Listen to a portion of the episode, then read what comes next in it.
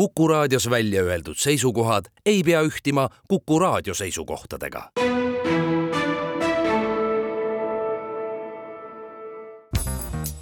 järjejutt. Alain de Botton, armastuse teekond, tõlkinud Pille Kruus Postimehe kirjastuselt. järjejutt. pimesi armumine hotell asub kivipaljandil Malagast idas pooletunnise sõidu kaugusel. see on mõeldud peredele ja seal tuleb paratamatult välja, eriti söögiaegadel, kui raske on ühe pere liige olla. Rabi Haan on viisteist ning isa ja kasuemaga puhkusel. Neid ümbritseb morn õhustik ja vestlus on olematu. Rabi ema surmast on möödunud kolm aastat iga päev pannakse Rootsi laud välja terrassile, kust avaneb vaade basseinile. vahel ütleb kasuema midagi paia või tugeva lõunatuule kohta. ta on pärit Gloucestershire'st ja talle meeldib aias toimetada. abielu ei alga abielu ettepaneku ega isegi mitte esimese kohtumisega. see algab märksa varem, kui sünnib mõte armastusest, täpsemalt unistus hingesugulasest esimest korda näeb Rabi tüdrukut Veeliumäe juures. too on temast umbes aasta noorem, kastanpruuni poisipea, oliivikarva naha ja peente käte-jalgadega. tüdrukul on seljas triibuline meremehe särk, jalas sinised lühikesed püksid ja sidrunikollased plätud. tema parema randme ümber on peenike nahkpael. ta vaatab vilksamisi Rabi poole, tõmbab suu korra justkui muigele ja kohendab ennast lamamistoolil. järgmised tunnid silmitseb tüdruk mõtlikult merd, kuulab samal ajal pleierit ja närib vahepeal küüsi. vanemad on tema kõrval. ühel pool lehitseb ema ajakirja L ja teisel loeb isa Len Daytoni romaani prantsuse keeles nagu Rabi hiljem külaliste raamatust teada saab, on tüdruk pärit Clermont-Ferrandist ja tema nimi on Alice Soor Rabi ei ole kunagi midagi ligilähedast tundnud. see tunne haarab ta kohe täiesti enda võimusesse. selles ei mängi rolli sõnad, neid ei vaheta nad kunagi. ta oleks seda tüdrukut mingis mõttes nagu alati tundnud, nagu kujutaks too endast vastust kogu tema olemasolule, eriti just ebamäärase valu piirkonnale tema sees järgnevatel päevadel jälgib ta tüdrukut eemalt hotelli eri paigus hommikusöögi ajal, kui tüdruk toob endale Rootsi laualt jogurti ja virsiku, seljas lillelise äärega valge kleit. tenniseväljakul, kus ta vabandab liigutava viisakuse ja tugeva aktsendiga inglise keeles treeneri ees oma tagantkäelöögi pärast ja näiliselt üksildasel jalutuskäigul ümber golfiraja, kui ta peatub kaktuste ja hibiskide vaatamiseks veendumus, et teine inimene on meie hingesugulane võib tulla väga kiiresti. me ei pruugi selleks temaga vestelda, me ei pruugi isegi teada tema nime. objektiivsed teadmised ei puutu asjasse. selle asemel loeb vaist, spontaanne tunne, mis justkui on seda täpsem ja väärtuslikum, et see eirab tavapärast mõtlemist. pimesi armumine võtab selgema kuju tänu hulgale seikadele muretult jala otsas rippuv plätu Herman Hesse Siddharta pehmete kaantega väljaanne, mis lebab päikesekreemi kõrval rannarätil.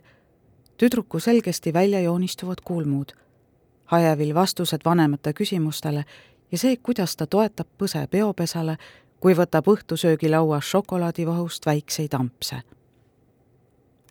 vaistlikult vormib Rabi neist pisiasjadest terve isiksuse ta silmitseb hotellitoa laeventilaatori pöörlevaid puittiivikuid ja kirjutab peas lugu elust selle tüdrukuga. tüdruk oleks melanhoolne ja elutark. usaldaks Rabiile oma saladused ja naeraks teiste silmakirjalikkuse üle. Läheks vahel ärevaks pidude ja teiste koolitüdrukute pärast, mis viitab tundlikule ja sügavale loomusele. varem oleks tüdruk olnud üksildane ega poleks kunagi kedagi täiesti usaldanud Nad istuksid tüdruku voodil ja põimiksid mänglevalt sõrmed kokku. ka tüdruk poleks kunagi ette kujutanud, et kahe inimese vahel võib tekkida selline side. ühel hommikul on aga tüdruk ette hoiatamata kadunud, ja tema lauas istub Hollandi paar kahe väikese poisiga.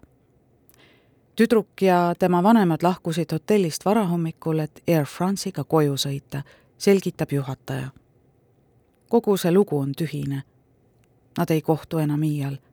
Rabi ei räägi sellest kellelegi. tüdrukul pole tema mõtiskeludest aimugi. ometi algab kõik just siit sest isegi kui rabi aastate jooksul olulisel määral muutub ja küpseb, jääb tema arusaam armastusest aastakümneteks selliseks, nagu tol suvel, kui ta oli viieteistkümneselt Kaasal suuri hotellis. Ta usub edasi, et kiire ja täiesti siiras mõistmine ja empaatia kahe inimolendi vahel on võimalik, et üksildus on lõplikult seljatatav Rabi kogeb sarnast magusvalusat igatsust veel teistegi kaotsi läinud hingesugulaste järele, keda ta silmab bussis, supermarketi riiulite vahel ja raamatukogu lugemissaalis. Täpselt samasugune tunne valdab teda kahekümneselt vahetussemestril Manhattanis naise vastu, kes istub põhja poole suunduvas C-liini metroorongis temast vasakul ja kahekümne viieselt Berliini arhitektuuribüroos, kus ta on praktikal ja kahekümne üheksaselt Pariisist Londonisse lennates, kui ta vestleb La Manche'i väina kohal põgusalt naisterahvaga, kelle nimi on Chloe. see on tunne, et oled leidnud enda ammu igatsetud puuduva poole.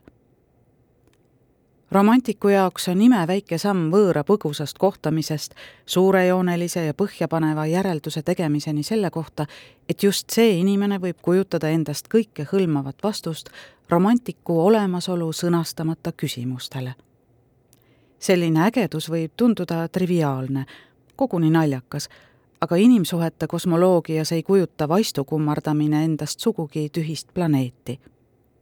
see on olulisim punkt, keskne päike, mille ümber kaasaegsed armastuse ideaalid tiirlevad. romantiline usk on ilmselt kogu aeg olemas olnud, aga üksnes mõne viimase sajandi jooksul on seda hakatud pidama millekski enamaks kui haiguseks ja alles hiljuti lubati hingesugulase otsingut lugeda millekski, mida võib võrrelda elu eesmärgiga. varem jumalatele ja vaimudele suunatud idealism on võtnud kursi inimesele. See on küll näiliselt suurejooneline suunamuutus, aga toob ometi kaasa koormavalt hirmuäratavad ja kahtlased tagajärjed sest ühelgi inimolendil ei ole kerge terve elu kummardada täiuslikkust, mille hoogsa mõttelennuga vaatleja on kellelegi omistanud tänaval, kontoris või lennuki kõrvalistmel. Rabil kulub palju aastaid ja rohkeid katsetusi armastuse vallas, kuni ta jõuab mõnevõrra teistsugusele järeldusele ja tunnistab, et just kõik see, mida ta kunagi romantiliseks pidas, sõnatu vaist, äkiline igatsus, usk hingesugulusse ei lase tal õppida suhteid hoidma. ta jõuab arusaamisele, et armastus kestab vaid siis, kui ei jääda truuks esialgsele petlikule lootusele ja suhte toimimiseks peab loobuma tunnetest, millest see suhe tema jaoks üldse algas. ta peab õppima, et armastus on oskus, mitte vaimustus.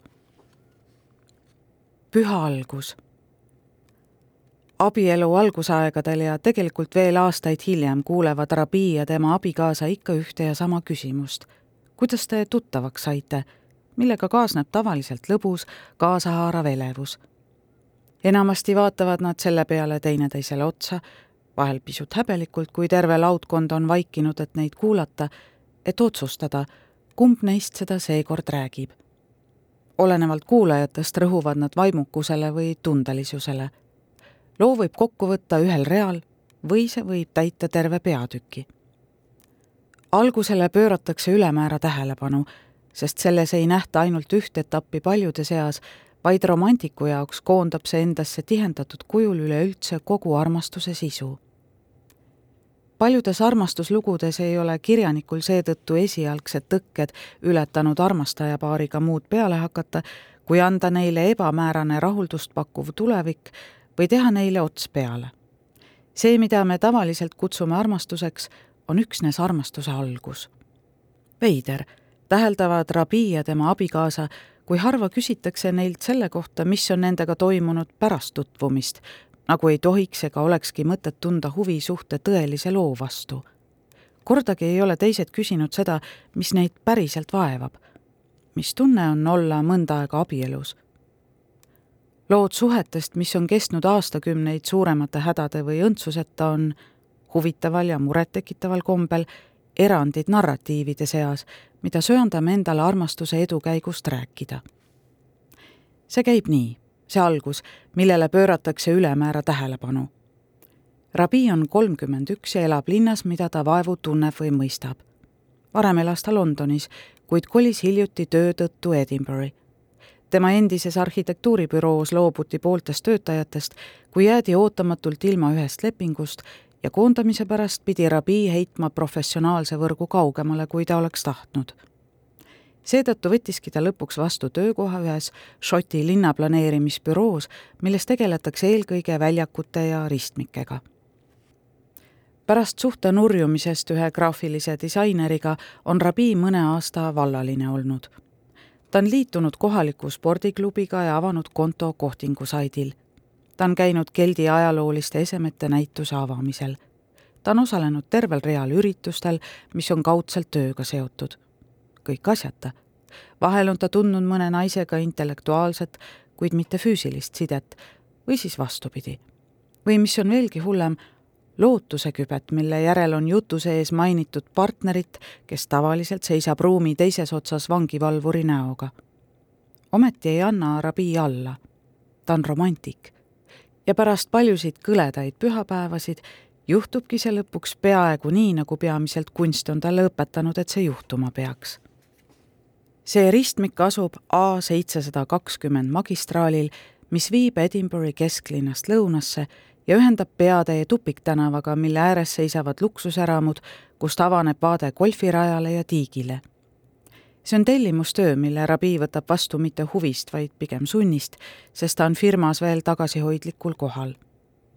esialgu määras klient järelevalvet tegema linnavalitsuse maamõõtmiskomisjoni vanemliikme, keda tabab aga raske kaotus üks päev enne projekti algust.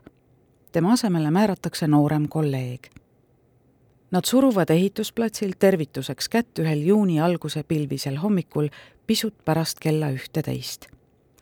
Kirsten McClelland kannab helkurvesti, kiivrit ja kobakaid kummitallaga saapaid. Rabi Haan ei kuule eriti, mida ta räägib ja seda mitte üksnes läheduses töötava hüdraulilise kompressori lakkamatu müdina, vaid ka selle tõttu, nagu Rabi hiljem avastab, et Kirsten räägibki tihti talle vaikselt oma kodulinna Invernessi aktsendiga, mis kipub enne lause päris lõppu sumbuma, nagu tuleks talle poole pealt pähe vastuväide enda öeldule või oleks ta lihtsalt juba millegi olulisema juurde edasi liikunud. Kirsteni varustusest hoolimata või tegelikult osalt selle tõttu märkab Rabi kohe temas tervet rida psühholoogilisi ja füüsilisi jooni, mis poolehoidu äratavad Rabi näeb, kui vankumatult ja lõbusalt vastab Kirsten patroniseerivale suhtumisele, millega ehitusbrigaadi kaksteist lihaselist meest teda kostitavad. kui suure hoolega märgib linnukesi mitme päevakorrapunkti juurde, kui enesekindlalt eirab moodi ja kui isikupäraseks teda teevad kergelt korrapäratud ülemised esihambad. Kui kohtumine brigaadiga on lõppenud istuvad klient ja tellija koos lähedal asuvale pingile, et lepingud üle vaadata. aga mõne minuti pärast hakkab vihma kallama ja kuna ehitusplatsi kontoris paberitööks ruumi ei ole, pakub Kirsten, et nad võiksid jalutada peatänavale ja otsida sealt mõne kohviku. teel läheb jutt Kirsteni vihmavarju all juhtumisi matkamisele. Kirsten räägib Rabile, et ta üritab võimalikult tihti linnast välja pääseda tegelikult käis ta alles hiljuti Loh Carriage'i ääres ja püstitanud telgi üksildasse männikusse, tundis seal erakordset rahu ja nägi laiemat pilti, sest oli kaugel teistest inimestest, kõigest, mis ei lase keskenduda linnaelu närvilisusest. jah, ta käis seal üksi, vastab ta. Rabi kujutleb teda telgis saapaid lahti nöörimas. kui nad peatänavale jõuavad, ei paista seal ühtegi kohvikut, nii et nad pagevad hoopis Taj Mahali, morni ja inimtühja India restorani, kus nad tellivad teed ja omaniku õhutusel portsu krõbeleibasid. keha kinnitanud vaatavad nad lepingud läbi ja otsustavad, et tsemendi segumasin oleks mõistlik tellida alles kolmandaks nädalaks ja sillutuskivid veel nädal hiljem. Rabi uurib Kirstenit teravdatud tähelepanuga ja proovib samal ajal hoiduda pealetükkivusest. Rabi märkab, et ta põskedel on heledad tedretähnid ja ilmes veider segu enesekindlusest ja vaoshoitusest, et ta paksud kastanpruunid õlgadeni ulatuvad juuksed on ühele küljele lükatud ja tal on komme alustada lauseid otsustavalt. asi on selles, et asjaliku vestluse ajal õnnestub Rabil siiski vilksamisi näha vahel ka teise isiklikumat külge. küsimuse peale vanemate kohta vastab Kirsten pisukese kohmetusega hääles, et teda kasvatas Invernessis ainult ema, kuna isa kaotas juba vara huvi pereelu vastu. selline algus ei äratanud minus just inimeste suhtes lootust, ütleb Kirsten kibeda naeratusega. rabi märkab, et tegelikult on kergelt viltu just ülemine vasakpoolne esihammas. võib-olla sellepärast ei olegi õnnelikud lõpud kunagi minu rida olnud. see tähelepanek ei heiduta rabiid sugugi ja talle meenub ütlus, et küünikud on kõigest idealistid, kellel on ebatavaliselt kõrged standardid. Taj Mahali avaratest akendest näeb Rabi kiiresti liikuvaid pilvi ja palju kaugemal kõhklevat päikest, mis heidab kiiri Pentlandi mägede vulkaaniliselt mustadele tippudele. ta võiks piirduda mõttega, et Kirsten on päris sümpaatne inimene, kellega üks hommikupoolik koos veeta, kui on vaja lahendada linnavalitsuse tüütuid küsimusi ta võiks jääda arutlema selle üle, milline sügav isiksus küll peitub Kirsteni arvamusavalduste taga kontoritöö ja Šoti poliitika kohta. ta võiks leppida sellega, et kahvatu ilme ja kaelajoon tõenäoliselt ei paljasta hinge niisama lihtsalt. ta võiks rahulduda arusaamaga, et Kirsten tundub päris huvitav ja et tal endal kulub veel kakskümmend viis aastat, et palju enamat teada saada selle asemel tunneb Rabi kindlalt, et on leidnud inimese, keda on õnnistatud kõige erakordsema sisemiste ja väliste omaduste kombinatsiooniga, arukuse ja südameheadusega, huumorimeele ja iluga, siiruse ja julgusega. Rabi hakkaks teda igatsema, kui ta praegu ruumist lahkuks, mis sest, et vaid kahe tunni eest oli Kirsten talle täiesti võõras. Rabi tahaks silitada tema sõrmi mis joonistavad praegu hambaorgiga laudlinnale õrnu jooni ja enda omade vahele pigistada. Rabi tahaks ülejäänud elu temaga koos veeta. kartes hirmsasti Kirstenit solvata, tundmata tema eelistusi, teades, et vihjeid võib valesti tõlgendada, näitab Rabi tema suhtes üles äärmist hoolt ja igakülgset tähelepanelikkust. vabandust, kas sa tahaksid ise vihmavarju hoida? Küsib Rabi, kui nad hakkavad ehitusplatsi poole tagasi jalutama. mul on tõesti ükskõik, vastab Kirsten. ma hoian seda hea meelega ise, aga ma ei pea seda tegema. käib Rabi peale. tõesti, kuidas sa ise tahad? Rabi hoiab end rangelt vaos. Ennast avada on küll meeldiv, aga ta proovib Kirsteni eest varjata pea kõiki oma iseloomujooni. oma tõelise mina näitamine ei ole vähemalt selles etapis kindlasti kõige tähtsam. Nad kohtuvad uuesti järgmisel nädalal. kui nad jalutavad Taj Mahali poole, et eelarve ja vahearuanne läbi vaadata, uurib Rabi, kas ta võib aidata Kirstenil kaustasid kanda, mille peale hakkab too naerma ja palub tal mitte nii seksistlik olla. praegu ei ole vist sobiv hetk paljastada, et sama suure rõõmuga aitaks ta Kirstenil kolida või põetaks teda, kui tal oleks malaaria samas Rabi vaimustus ainult kasvab selle peale, et Kirsten ei paista eriti milleski abi vajavat. nõrkus on ju lõppude lõpuks võluv eelkõige tugevate puhul. asi on selles, et pool meie osakonnast lasti just lahti ja ma pean ära tegema kolme inimese töö, selgitab Kirsten, kui nad on istet võtnud. ma töötasin eile õhtul kella kümneni, aga sa oled võib-olla juba aru saanud, et see tuleb peamiselt sellest, et mul on vaja kõike kontrollida kartes väga midagi valesti öelda, ei oska Rabi millestki rääkida, aga kuna vaikimine võib jätta igava mulje, ei saa ta ka pausidel kesta lasta. lõpuks kirjeldab ta pikalt, kuidas raskus jaotub sillasammaste vahel ning analüüsib siis rehvide suhtelist pidurduskiirust märjal ja kuival pinnal. vähemalt annab kohmetus märku ka siirusest. me ei lähe ju eriti närvi, kui üritame võrgutada inimest, kellest me suurt ei hooli Rabi tajub igal sammul, kui vähe ta väärib Kirsteni tähelepanu.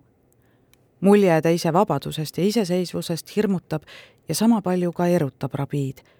ta mõistab, et pole ainsatki head põhjust, miks Kirsten peaks teda oma poolehoiuga õnnistama. ta saab igati aru, kui vähe tal on õigust paluda Kirstenilt vastutulelikku suhtumist, mida nõuavad tema arvukad puudused. ta on tagasihoidlikkuse kehastus Kirsteni elu piirimail. Siis jõuab kätte pöördeline katsumus. tõusetub küsimus, kas tunded on vastastikused see on pea lapsikult lihtne teema, mis võib ometi pakkuda ainest lõpututeks semiootilisteks uurimusteks ja üksikasjalikeks psühholoogilisteks oletusteks. Kirsten tegi komplimendi tema halli vihmamantli kohta, lasi tal maksta tee ja krõbeleibade eest, julgustas teda, kui ta mainis, et tahaks naasta arhitektuuri juurde. Samas tundis Kirsten end justkui ebamugavalt isegi ärritus kergelt neil kolmel korral, kui rabi üritas juhtida vestlust teise eelmistele suhetele. samuti ei haaranud Kirsten kinni vihjest, et nad võiksid koos filmi vaatama minna. kõhklused üksnes sütitavad iha. Rabi on aru saanud, et tema jaoks ei ole kõige ligitõmbavamad need inimesed, kes ta kohe sobivaks tunnistavad. ta kahtleb nende kriitikameeles ega need, kes talle üldse võimalust ei anna ükskõiksus tekitab temas pahameelt, vaid pigem need, kes lasevad tal mingil ebamäärasel põhjusel, võib-olla on neil konkureeriv romantiline suhe või ettevaatlik loomus, võib-olla takistab neid mõni füüsiline puudus või hoiab tagasi psühholoogia, võib-olla ei ole see kooskõlas nende usu või poliitiliste seisukohtadega, mõnda aega teadmatuses olla. tuleb välja, et igatsus on omamoodi nauditav lõpuks otsib rabi Kirsteni telefoninumbri linnavalitsuse paberitest üles ja saadab talle ühel laupäeva hommikul sõnumi, et on oodata päikeselist päeva. ma tean, saabub pea kohe vastus. Läheks botaanikaaeda? ka. nii teevadki nad kolm tundi hiljem Edinburghi botaanikaaias tutvust mõnede maailma kõige ebatavalisemate puu- ja taimeliikidega. Nad näevad Tšiili orhideed Neid hämmastab rododendroni keerukus, nad peatuvad Šveitsi kuuse ja Kanada hiigelsuure sekvoia vahel, mille okkad liiguvad kerges meretuules. Rabi ei jaksa enam moodustada mõttetuid lausejuppe, mis tavaliselt sellistele sündmustele eelnevad. ta ei katkesta Kirsteni juttu poole lause pealt mitte ülbusest ega õigusest, vaid pigem kärsitust meeleheitest, kui too loeb parasjagu infotahvlit mägedes kasvavaid puuliike ei tohiks kunagi segamini ajada. ta võtab Kirsteni näo käte vahele ja surub suu hellalt tema omale, mille peale Kirsten sulgeb silmad ja põimib käed tugevalt ümber rabi vöökoha. jäätiseauto Inverleith terrassil toob kuuldavale tontlikku kõlinat. Uus-Meremaalt sisse toodud puuoksal kriiskab hakk ja keegi ei märka osalt võõrliikide varju jäävat kahte inimest, kellest kumbki kogeb parasjagu oma elu üht tundelisemat hetke, mille tagajärjed ulatuvad kaugele. ja ometi tuleb rõhutada, et sel kõigel ei ole ikka veel erilist pistmist armastuslooga. armastuslugu ei alga siis, kui me pelgame, et teine ei taha meiega rohkem kohtuda, vaid siis, kui ta otsustab, et ta ei ole meiega kogu aeg koos olemise vastu. Mitte siis, kui tal on veel vabalt võimalik minema joosta, vaid siis, kui on vahetatud pühalik tõotus hoida teineteist terve elu ja lasta teisel end vangistada. meie arusaama armastusest on kaaperdanud esimesed petlikult liigutavad hetked, mis kipuvad meid pimestama. me laseme armulugudel liiga vara lõppeda. me teame liiga palju sellest, kuidas armastus alguse saab ja nörritavalt vähe sellest, kuidas see jätkuda võiks botaanikaaia väravas ütleb Kirsten, et rabi helistaks talle ja tunnistab naeratades, sellest saab rabi äkitselt aimu, milline Kirsten võiks välja näha kümneaastase tüdrukuna, et on järgmisel nädalal kõigil õhtutel vaba. kui rabi jalutab koju quarter mile'i ja teeb endale laupäevases rahvamassis teed, on ta nii erutunud, et tahaks kinni pidada suvalisi võõraid ja jagada nendega oma suurt õnne. teadmata isegi, kuidas on ta edukalt ületanud kolm kõige olulisemat proovikivi, millele toetub romantiline arusaam armastusest. ta on leidnud õige inimese. ta on avanud talle oma südame ja ta on omaks võetud. ja ometi ei ole ta veel kuhugi jõudnud. Nad abielluvad Kirsteniga, nad kannatavad, Nad peavad tihti muretsema raha pärast, nad saavad alguses tütre ja siis poja, ühel neist tekib kõrvalsuhe, kohati tunnevad nad igavust, vahel tahaksid nad teineteist maha lüüa ja mõnel üksikul korral ka iseennast ära tappa. just see on tõeline armastuse lugu. armunud. Kirsten teeb ettepaneku sõita Forthi lahe äärde Portobello randa, kuhu saab rattaga poole tunniga. Rabi ei tunne end kindlalt ratta seljas, mis on renditud ühest Princess Streeti rattapoest, mida Kirsten teab. Kirstenil on oma ratas see on kirsipunane, kaheteistkümne käigu ja keerulise pidurisüsteemiga. Rabi püüab kõigest väest tempos püsida. poolel teel mäest alla vahetab ta käiku, aga kett tõrgub, jõnksatab ja jääb siis lõdvalt rummu ümber pöörlema. temast ärkavad frustratsioon ja tuttav vihatunne. poodi on jalgsi tagasi pikk tee minna. aga Kirsten ajab asju teisiti. vaata nüüd ennast, ütleb ta sa oled nagu üks suur pahane narr. Kirsten keerab ratta tagurpidi, lülitab käigu madalamaks ja sätib tagumise käiguvahetuse paika. tema käed on peagi õlised ja üks jutt jõuab isegi põsele. armastus on see, kui imetleme oma kallimas omadusi, mis tõotavad korvata meie enda nõrkusi ja puudusi. armastus on terviku otsimine. Rabi on armunud Kirsteni rahulikku meelde usku, et kõik saab korda, sellesse, kuidas ta ei tunne, nagu kiusataks teda taga, tema fatalismi puudumisse. selliseid voorusi kannab endas Rabi uus ebatavaline Šoti sõbranna, kes räägib nii tugeva aktsendiga, et Rabi peab kolm korda üle küsima, kui too kasutab sõna ajutine. Rabi armastus on loogiline reaktsioon sellele, kui ta avastab teises lisatugevused ja hulga omadusi, mille poole ta ise püüdleb tema armastus lähtub ebatäielikkuse tundest ja ihast saada tervikuks.